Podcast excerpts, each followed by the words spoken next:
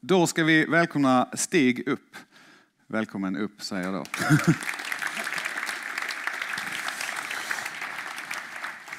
Ehm, jag tänkte inte presentera dig så mycket utan du ska få göra det själv eh, lite i, liksom i början av din predikan tänkte jag. Men jag vill väldigt gärna be för dig. Härligt. Så vi gör det nu. Herre, jag tackar dig för Stig. Tack för att han är en tjänare i ditt rike. Tack för att eh, han är det att förkunna ditt ord, Herre. Jag ber att du ska lägga dina ord eh, i hans huvud och i hans hjärta och i hans mun, Herre. Öppna våra hjärtan så att vi förstår det du vill säga genom honom. Tack för att du har kallat honom hit ikväll. Välsigna honom och välsigna hela den här predikan. I Jesu Kristi namn. Amen. Det er så kort så det går ikke å stå bak. Jeg får stå framför. Ja, eh, hva skal man si? Stig heter jeg. jeg kom fra Norge. Eh, her här i, eh, inte allmän tid, men eh, 16 år tror jeg det blir Ungefær. Eh, gift med en svenske. tre barn, hund, villa, eh, kombi. Ja. Svensson, men fast det er jeg ikke. For jeg er norsk. Det er viktig å holde fast vid. Har ni det bra? Ja, men ni kan mycket bättre än detta, det vet jag. Har ni det bra? Ja! ja men ännu bättre kan. Har ni det bra? Ja! Ja, så ska det låta. Jag brukar att köra detta för att jag jobbar som rektor på en F6-skola och då kör jag detta bara för att man ska vakna. Uh, mina elever då, för de somnar kanske när jag pratar med dem. Um, och det är lite så att vi ska pröva att hålla oss vakna nu. Vi har en halvtime på ungefär når jeg klokka det innan så tror jeg ikke rekker innen halvtime. For efter en halvtime så bør dere hjärnor gå ned i modus har man lært seg. Jeg tenkte på en sak Stefan, du sa det var svårt det her med språket.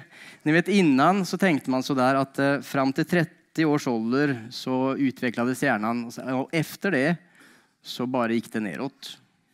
Eh, Så jeg vet ikke hvor mange av er, Er det mange som har over 30 opp med en hand så vet vi ungefär hvor många Ja, så ni som er under 30, ni vet ni er på gang opp, i alla fall. Eh, Men vi som er over, vi er på gang ned, kan hende. Men nå er det så at den forskningen har endret, så hjernen utvikler seg hele tiden. Så jeg tenkte Stefan, det her med språket, det tror jeg kommer. Med litt ekstra bønn og sånn, så skal vi sikkert det gå bra, så ni lär er eh, det. Um, i dag, 100% sant overalt. Og jeg kommer til å prate om två ord og det er sanning og det med överallt. Um, 100% kommer ikke til å si så jättemycket om. Jeg tenker Når jeg prater mye om prosent annars. Det er litt eh, svårt, farlig, å invitere en rektor inn og prate om prosent særskilt når man er mattelærer i bakgrunnen. Det kan ta litt av når man elsker eh, siffror och så. Jeg skal ikke si jättemycket om det, men jeg skal si om det er noen ting som handler om prosent hjemme, så er det jo mobiler. Eh, Det er alltid spørsmål om pappa, Hvor er ladderen? Hvorfor har ikke jeg batteri? Hvorfor har du? Og så videre. Ehm, kom litt tilbake sen. Hittar aldri den ladderen. Jeg vet ikke hva den forsvinner någonstans. Ja. Men jeg skal lese et bibelord og så skal jeg også be litt snabbt over det bibelordet. Skal vi se. De tar opp Johannes evangeliet kapittel 4, vers 26. Det er her vi kommer til å oppholde oss i dag. Så har ni bibler, Johannes 4, der vi er i. Et kort, kort vers, bare en vers. Der står det. Jesus sa til henne. Det er jeg, den som taler med dig. Käre Jesus, vi takker deg for denne muligheten, Herre. Vi takker for at du er midt iblant oss, som du har lovet med ditt ord, at du er her hos oss. Nå ber vi at du når oss og taler til oss, Jesus. Anvend meg som redskap for deg. I Jesu navn. Amen. Det her med sanning. Jeg vet ikke hva ni tenker når ni hører sanning. Det er nesten litt sånn at det er førprogrammert i oss som mennesker det her at vi får få fram sanningen. Eh, ofta, og særskilt når man titter på barn, så blir det jettesvårt om de blir beskyldt for noe de ikke har gjort. Da er det noen som ljuger og sanningen måste jo fram. Jeg kommer ihåg jeg var 16 år gammel, gikk inn på bensinmacken og hadde handlet noe. Og så gikk jeg ut så kommer det en tant efter meg. Stig! Nei, hun visste ikke hva jeg het. 'Hei', sa hun. 'Hei, hei'. 'Hei', sa jeg, og så vände jeg meg om. Du har taget noe', sa hun. 'Nei, det var jeg ikke', sa jag. Jag vente her. Og så gikk hun inn igjen, forsvant inn, og jeg ble urolig. orolig. hadde ikke taget noen ting, Jo. Og så kom hun ut igjen og sa hon, ja, men jeg så på film, du har, tatt, du har taget noen, sa hon. Nej, så jag har ikke taget noen. Altså, kompisen min kan si det. Så gikk hun inn igjen, og så, og så kom hun ut og sa, nei, ok, du kan gå. Jeg var 16 år gammel. Altså, Jeg er en gammel person, det må de fatte. Jeg er 46 år gammel, bare bli grått hår og det går bare neråt. jag kommer ihåg det fortfarande, for det var någonting jag inte hade gjort. Hon sa någonting jag, hon mente jag hade gjort, men sanningen var noe annet. Sanningen, å få fram sanningen, ligger inprogrammerat i oss alle. Ta exempelvis senaste veckornas eh, fokus på Asa Brokki. Vad hände verkligen där? Sanningen skulle fram, det blev rättssak. Och man tvistade om hva var det på filmen och vad var inte på filmen. Skal han bli dømt eller skal han ikke bli dømt? Sanningen skal fram. Upp gjennom historien så har det vært så at hvis det er en eller två som kommer fram og beretter samme sak, ja da kan man gå god for det. Om man har en rettssak, og det kommer vittnen og två stycken berättar om det var det som hände, ja da kan en person bli dømt om det er noe feil han har gjort. Så er det fortfarande i vårt rettssystem, og godt er det og bra er det. Men sen har utviklingen gått og så har man tatt inn foto. Så har man fotografi på det som har hendt, ja da er det enda mer sikkert det som har hänt. Men du og jeg vet at et foto kan manipuleres i dag. Det er ikke sikkert det stemmer, det vi ser på foto. Og sen har utviklingen gått enda videre, så nå er det jo video som gjelder. Ni vet at poliser i USA har kroppsvideo som tar. Man har testet det her i Sverige også. For man skal filme når man griper noen, så om det blir en rettslig prosess, så kan man si hva som hendt. Men også der hender jo greier. Også så fins det muligheter å manipulere videoer så ikke det viser hva som virkelig var. Så hva er sanningen? Og hur får man fram sanningen? Det er en komplisert fråga og det er ikke enkelt å si hva som er sant eller ikke. En samaritisk kvinne kom vandrende mot brunnen. Det var så at Hun hadde gått der en eftermiddag etter alle de andre hadde kommet. Hun ville ikke treffe andre mennesker når hun gikk til brunnen. Hon vandrade tyst stille och hon tyckte det var skönt att gå där. Även om att gå och hämta vatten var ganska tungt. Man skulle bära hem det och så vidare. Men hon valgte å gå der når ingen andre var der, for da kunne hun være ensam. Hun slapp å møte alle blikk, hun slapp å møte alle andre mennesker som tittet på henne og pekade på henne. Plutselig så stander hun opp, for der ved brunen der sitter en man. Men hun tenker ok, jeg jag jo ha vatten så jeg får gå ändå. Hun går sakte mot denne brunnen, lister seg fram, tyst fram, Skal til precis ta vatten. Og så sier mannen, kan du gi meg lite å drikke?' Han var mann, han var jude. Samaritene hadde inget med juder å gjøre. Hun sier til honom når han sier så här. Hur kan du si til meg at jeg skal gi deg noe å drikke? Det var helt motsatt av hva man gjorde i den kulturen hun var van med. Man gjorde ikke så her. Man tiltalte ikke kvinner eksempelvis på offentlig sted. Det var Jesus som satt der ved brunnen. Han brøt alle form for ja, hva man sier, kulturlige altså riktningar. Han brydde seg ikke om hva andre sa hvordan man skulle oppføre seg. For han så en sak. Han så en menneske som kom der, til brunnen Og han så hvem hun var. Så sier han til henne, om du kjente til Guds gåva og hvem det er som ber deg, gi meg et lite att Da Då skulle du ha bedt honom og han hadde gitt deg levende vatten. Og hennes hjerne började snurra. Vadå, levande vatten, vad är det for noe? Altså, levende vatten kan oversettes med vatten som er i rørelse. En brunn ja, det är en källa der man får opp vatten, men det er ingen vatten i rørelse som en å eller en elv. Hva er det han prater om? Levende vatten? det ikke. Hun svarer det. Gi meg det vattnet så at slipper slipper bli tørstig og gå hit og hente vatten. Om hun kunne få vatten som gjorde at hun ikke behøvde å være tørstig, da slapp hun å gå og hente vatten. Da slapp hun å gjemme seg for alle andre mennesker der her, når det var varmt og ettermiddag. Jesus sier en svår fråga til henne, eller en påstående. Han gir henne et oppdrag. Han sier, gå og hente din mann', sier han. Og jeg tänker, Ja, men Jesus, hva holder du på med? Her kommer en kvinne, ensam. Du kjenner kvinnen. Og du vet hvem hun er. Hun har begynt å prate om å få det levende vannet. Hun spør, hun forstår ikke. Og du sier at hun skal hente sin mann. Men så er, så er det med Jesus. For når han møter deg, så vet han redan hvem du er. Og han stiller en fråge til deg, ikke for at du skal plutselig endres, eller for å peke på deg og gnugge i deg ditt liv. Men han stiller en fråga for han vil at du skal reflektere hvem du er, og hvem du er i hans øyne.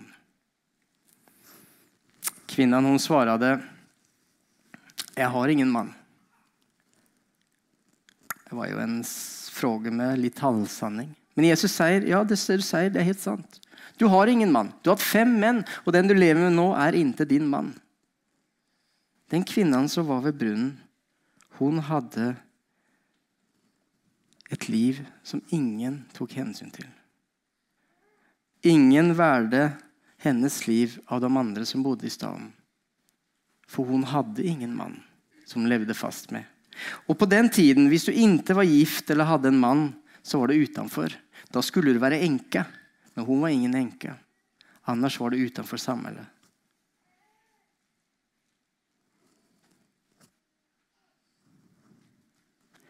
Hva er min tørst? Hva legger jeg mitt liv i? Denne kvinnen hadde prøvd å finne noe i sitt liv for å bli noen. Men Jesus viser at det er ikke det som er sentrum av livet. Det er ikke det å være noen annen i noen annens øye som er viktig, men det viktige er hvem er Jesus? Hvem er Jesus for deg, og hva er han i ditt liv? Han sier, 'Den som drikker av vann som jeg gir honom, skal aldri noensinne tørste'. Hva ligger min tørst? Hva er det jeg sukter og lengter etter? Hva er det jeg legger min tid og, tid på? Hva er sanningen om mitt liv?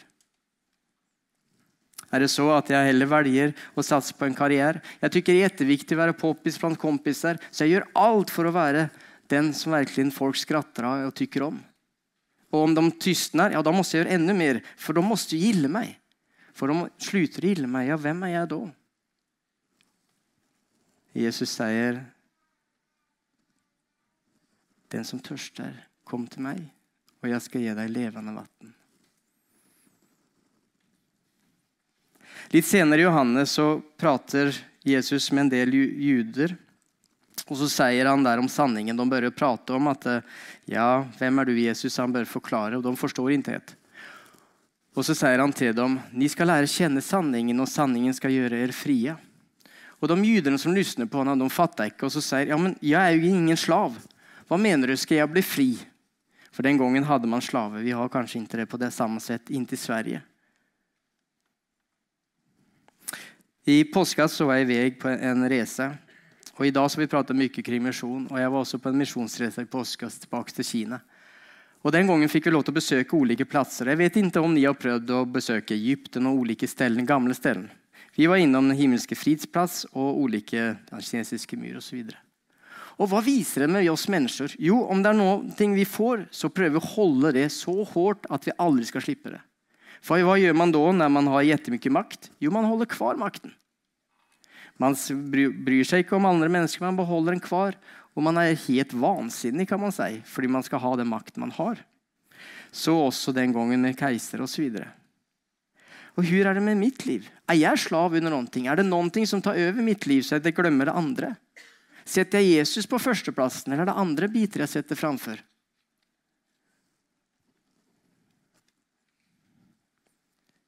Angst er ofte man prater om. At man har ångest for ulike biter. Ångest for at noen skal sette seg bredvid meg på toget.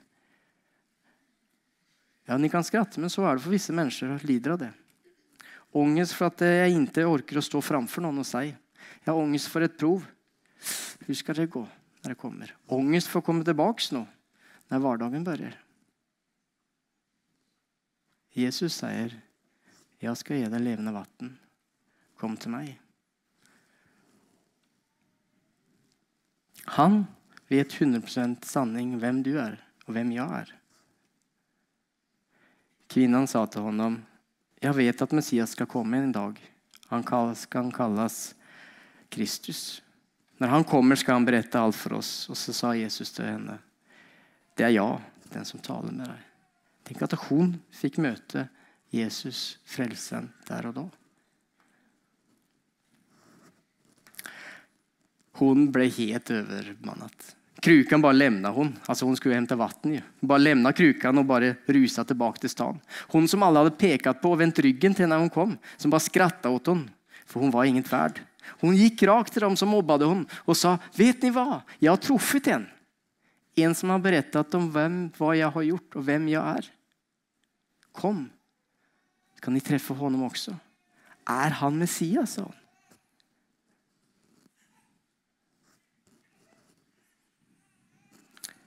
Det her med sanning og det her med å få sannheten er ofte knuten til en fysisk plass. Um, jeg som jobber i skolen, vet jo at skolen handler om kunnskap. Og skal du bli smart så må du komme til skolen. Og samme om du går universitet eller høgskole. Nå kan man jo nå det via mobilen og sånt. Det kunne man inntil innan Og kanskje er det bedre å gå til skolen enn å sitte hjemme og på nettet hele tiden. Eller det er bedre å være i skolen, skal jeg si det som er rektor i hvert fall. Det er en fysisk plass man kommer til, og det er der man får kunnskap. Um, när det gjelder religion så er det også en fysisk plass. Jeg vet ikke hvor mye ni vet om islam, men denne vekken er det muslimer som samles i Mekka før hajij, tror jeg heter. Jeg er litt usikker på uttalene. Mange som får ned, for de skal til Mekka. Og så var det på Jesu tid. Man skulle jo gå i et tempel og tempelet lå i Jerusalem. Kvinnen her i sitt samtale med Jesus ble osäker i det, for det fantes et tempel på det berget de var på, som samariten hadde sagt. Så hun spurte Jesus, altså vi kan vel tillbe Gud her i vårt tempel som samariten har gjort? Inte i Jerusalem. Men Jesus sier nei, nei, nei. Du skal til Jerusalem om du skal tilbe den levende guden. Så sier han noe precis efteråt som er litt konstig. Men det kommer en tid, og den er redan her, når sanne tilbedere skal tilbe Faderen i ande og sanning. Det Jesus sier der, det er at han prater om sin død. For når Jesus Kristus stod på korset så er det en annen tid. For hva hendte når Jesus stod på korset i tempelet? Jo, førhenget, eller det man kaller skynke som var der framfor, revna det i tu og plutselig så hadde du tilgang til det aller helligste, som ingen fikk lov til å komme inn i. For Jesus Kristi død gjør at du og jeg virkelig plutselig kan komme til Faderen og kunne be og treffes på et puls og lovprise honom her. Vet ni hva? Det er noe du kan gjøre også hjemme, eller hva som helst. I Ica kanske, jag vet ikke om du står i kø noen gang og ber. Jeg vet ikke om du sitter på tog og ber eller går i bilen eller noen stans. Kanskje du løper og ber. Eller du lovsynger noen hva som helst du er. Dette kan du gjøre hva som helst fordi Jesus Kristus sto på korset for deg. Det var en sak som jeg for mange år siden jeg var i lumpen som jeg tykte var konstig. Jeg har tatt med meg alltid. Jeg var ute i lumpen i to vekker av tre vekker. Jeg var sånn infanterist som gikk ut i skogen hele tiden. Oppe i Nord-Norge, det var mørkt, det var vinter, det var mørkt på nätterna. Det var nesten mørkt på dagene også. det var mørkt alltid. kan man tykke. Uh, hadde vært ute i to til tre uker. så kommer det lørdag, og så kommer befäl og så sier ja grabber. ja, det var ingen skeier, tyvärr. Ja grabber. Uh, nå er det så at i morgen søndag klokka ti så er det frid. Hva? Er det frid? sa vi. Ja, klokka ti så er det frid. Ja, og klokka tolv så begynner vi igjen. Jaha, ja. Vi visste ikke hva det handla om.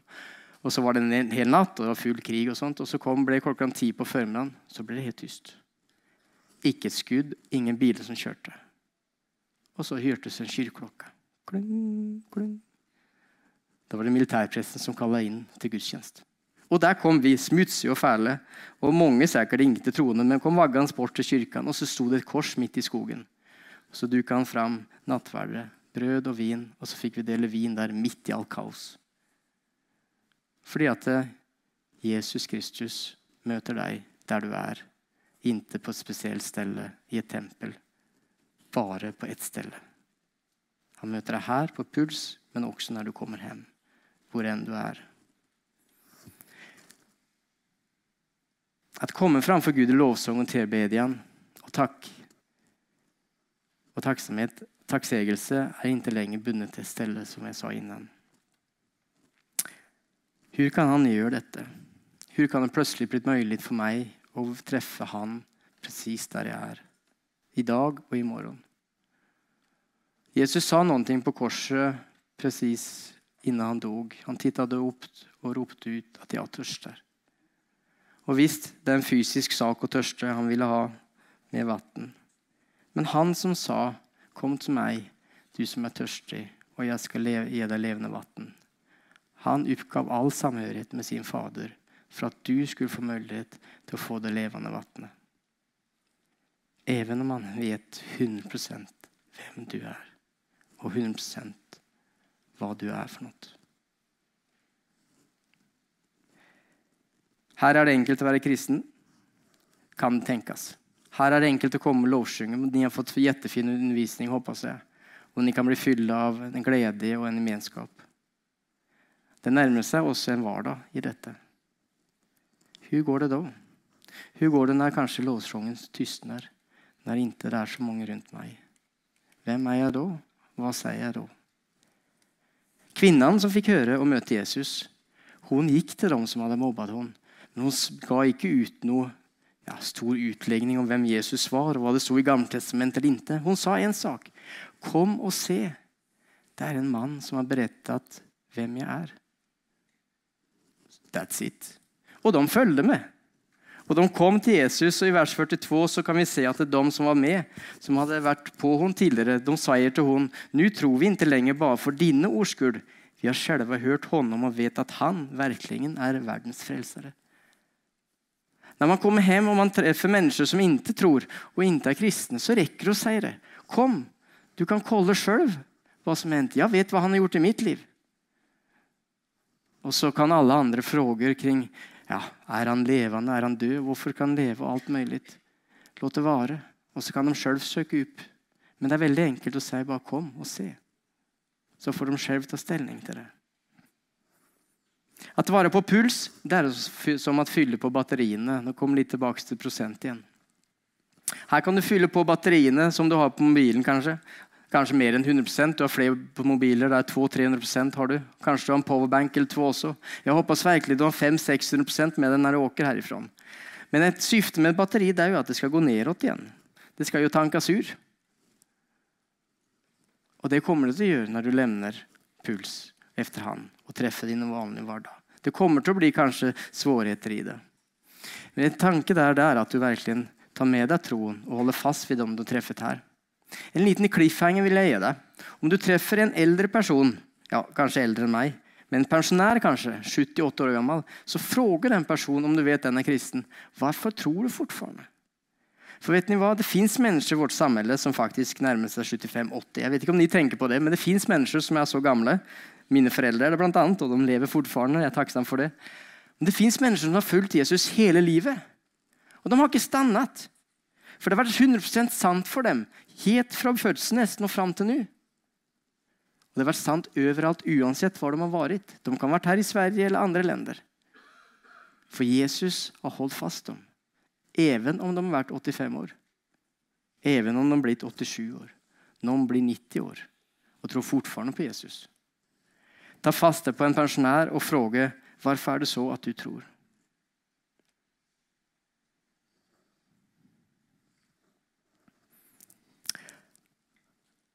De seneste åren, tror jeg, två, tre åren, så har jeg båret med meg en sång som eh, Michael W. Smith skrev. Jeg vet ikke om ni har hørt den, Surrounded heter den. I den sången så synger han så her may, it may look like I'm surrounded, but I'm surrounded by you. Det kan se ut som jeg er overgiven eller omringet, men jeg er omgiven av deg. Uansett hva som hender i dine liv, hvor du er någonstans. Han holder, og han holder om deg.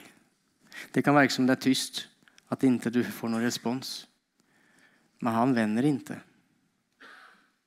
Når Jesus pratet med kvinnen ved brønnen, han kunne virkelig trykt til henne og sagt Gå og gjør som du skal leve, enligt buden, enligt det som står i Gamletestamentet.' Han gjorde ikke det. Han satt hos henne og lyssnade på henne. Han lemna ikke henne, men lot hun komme og berette. Tror de ikke hun visste dette? Og tenk på deg sjøl. Tror ikke du vet hvordan du skal leve? Og Du vet også hva som kan være annerledes i livet, for det er noe annet jeg setter høyere. Hun visste det.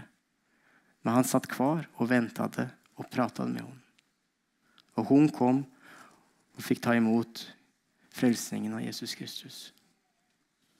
Jesus sier i Johannes 14, 14,6.: Jeg er vegen, sanningen og livet. Han sier ikke 'Jeg kan være veien, sanningen og livet'. Han sier heller ikke at 'ja, jeg er 75% av veien, sanningen og livet'. Nei. Han sier 'jeg er veien, sanningen og livet'. Han er 100% veien, sanningen og livet. 100% sant overalt. Gjennom Jesus Kristus så er jeg 100% ren og rettferdig. Himmelen verdig. Det er et stort halleluja etter det. Fordi det er ikke opp til meg, men på grunn av Han. Han holder, ørene. Even når det blir tyst, når du tykker det er svårt, så holder han deg. Han bærer deg. Han kaller meg mitt navn, står det i Isaiah. Jeg er gjettekass på navn. Han kan ditt navn. Han kan mitt navn. Han kan Vet hvor mange hår du har på huet, står det Lukas.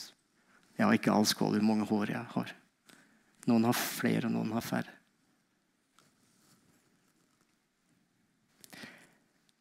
Det som drikker av det vann jeg gir honom, skal aldri noensinne tørste. Johannes 14, 4. 4.14, mener jeg. Forlåt. Vi ber til sammen. Og kjære Jesus, du ser hver og en av oss. Vi bare takker og priser, Herre, for at, for at du elsker oss, Herre. For at du elsker meg, even om jeg har slitt å komme. Jeg har ingen til å komme Jesus. Så titter du på meg og sier at du elsker meg så mye at du dog for meg, Jesus. Du vet det er saker i vårt liv, Herre, som vi, vi skulle hatt hjelp med. Og jeg, kjære Jesus, hjelp oss å se dem. Hjelp oss å få mennesker rundt hverandre, så at vi kan møte dem. Og vi ber om at du møter oss, Jesus. Griper tak i oss. Herre, send mennesker rundt oss, så at vi kan ha venner, så vi kan fråge. Så vi ikke blir ensomme. Fortsett å prate med oss, Jesus. Og fyll oss med din hellige ande. Vi takker deg for lovsangen. Vi takker for at vi kan synge framfor deg. For at vi får mulighet til å komme i bikt eller forbønn oss, Jesus. Vær med oss også når vi nå levner puls i morgen. Og ta med dette videre i vår hverdag, Jesus. 100 sant overalt. I Jesu navn. Amen.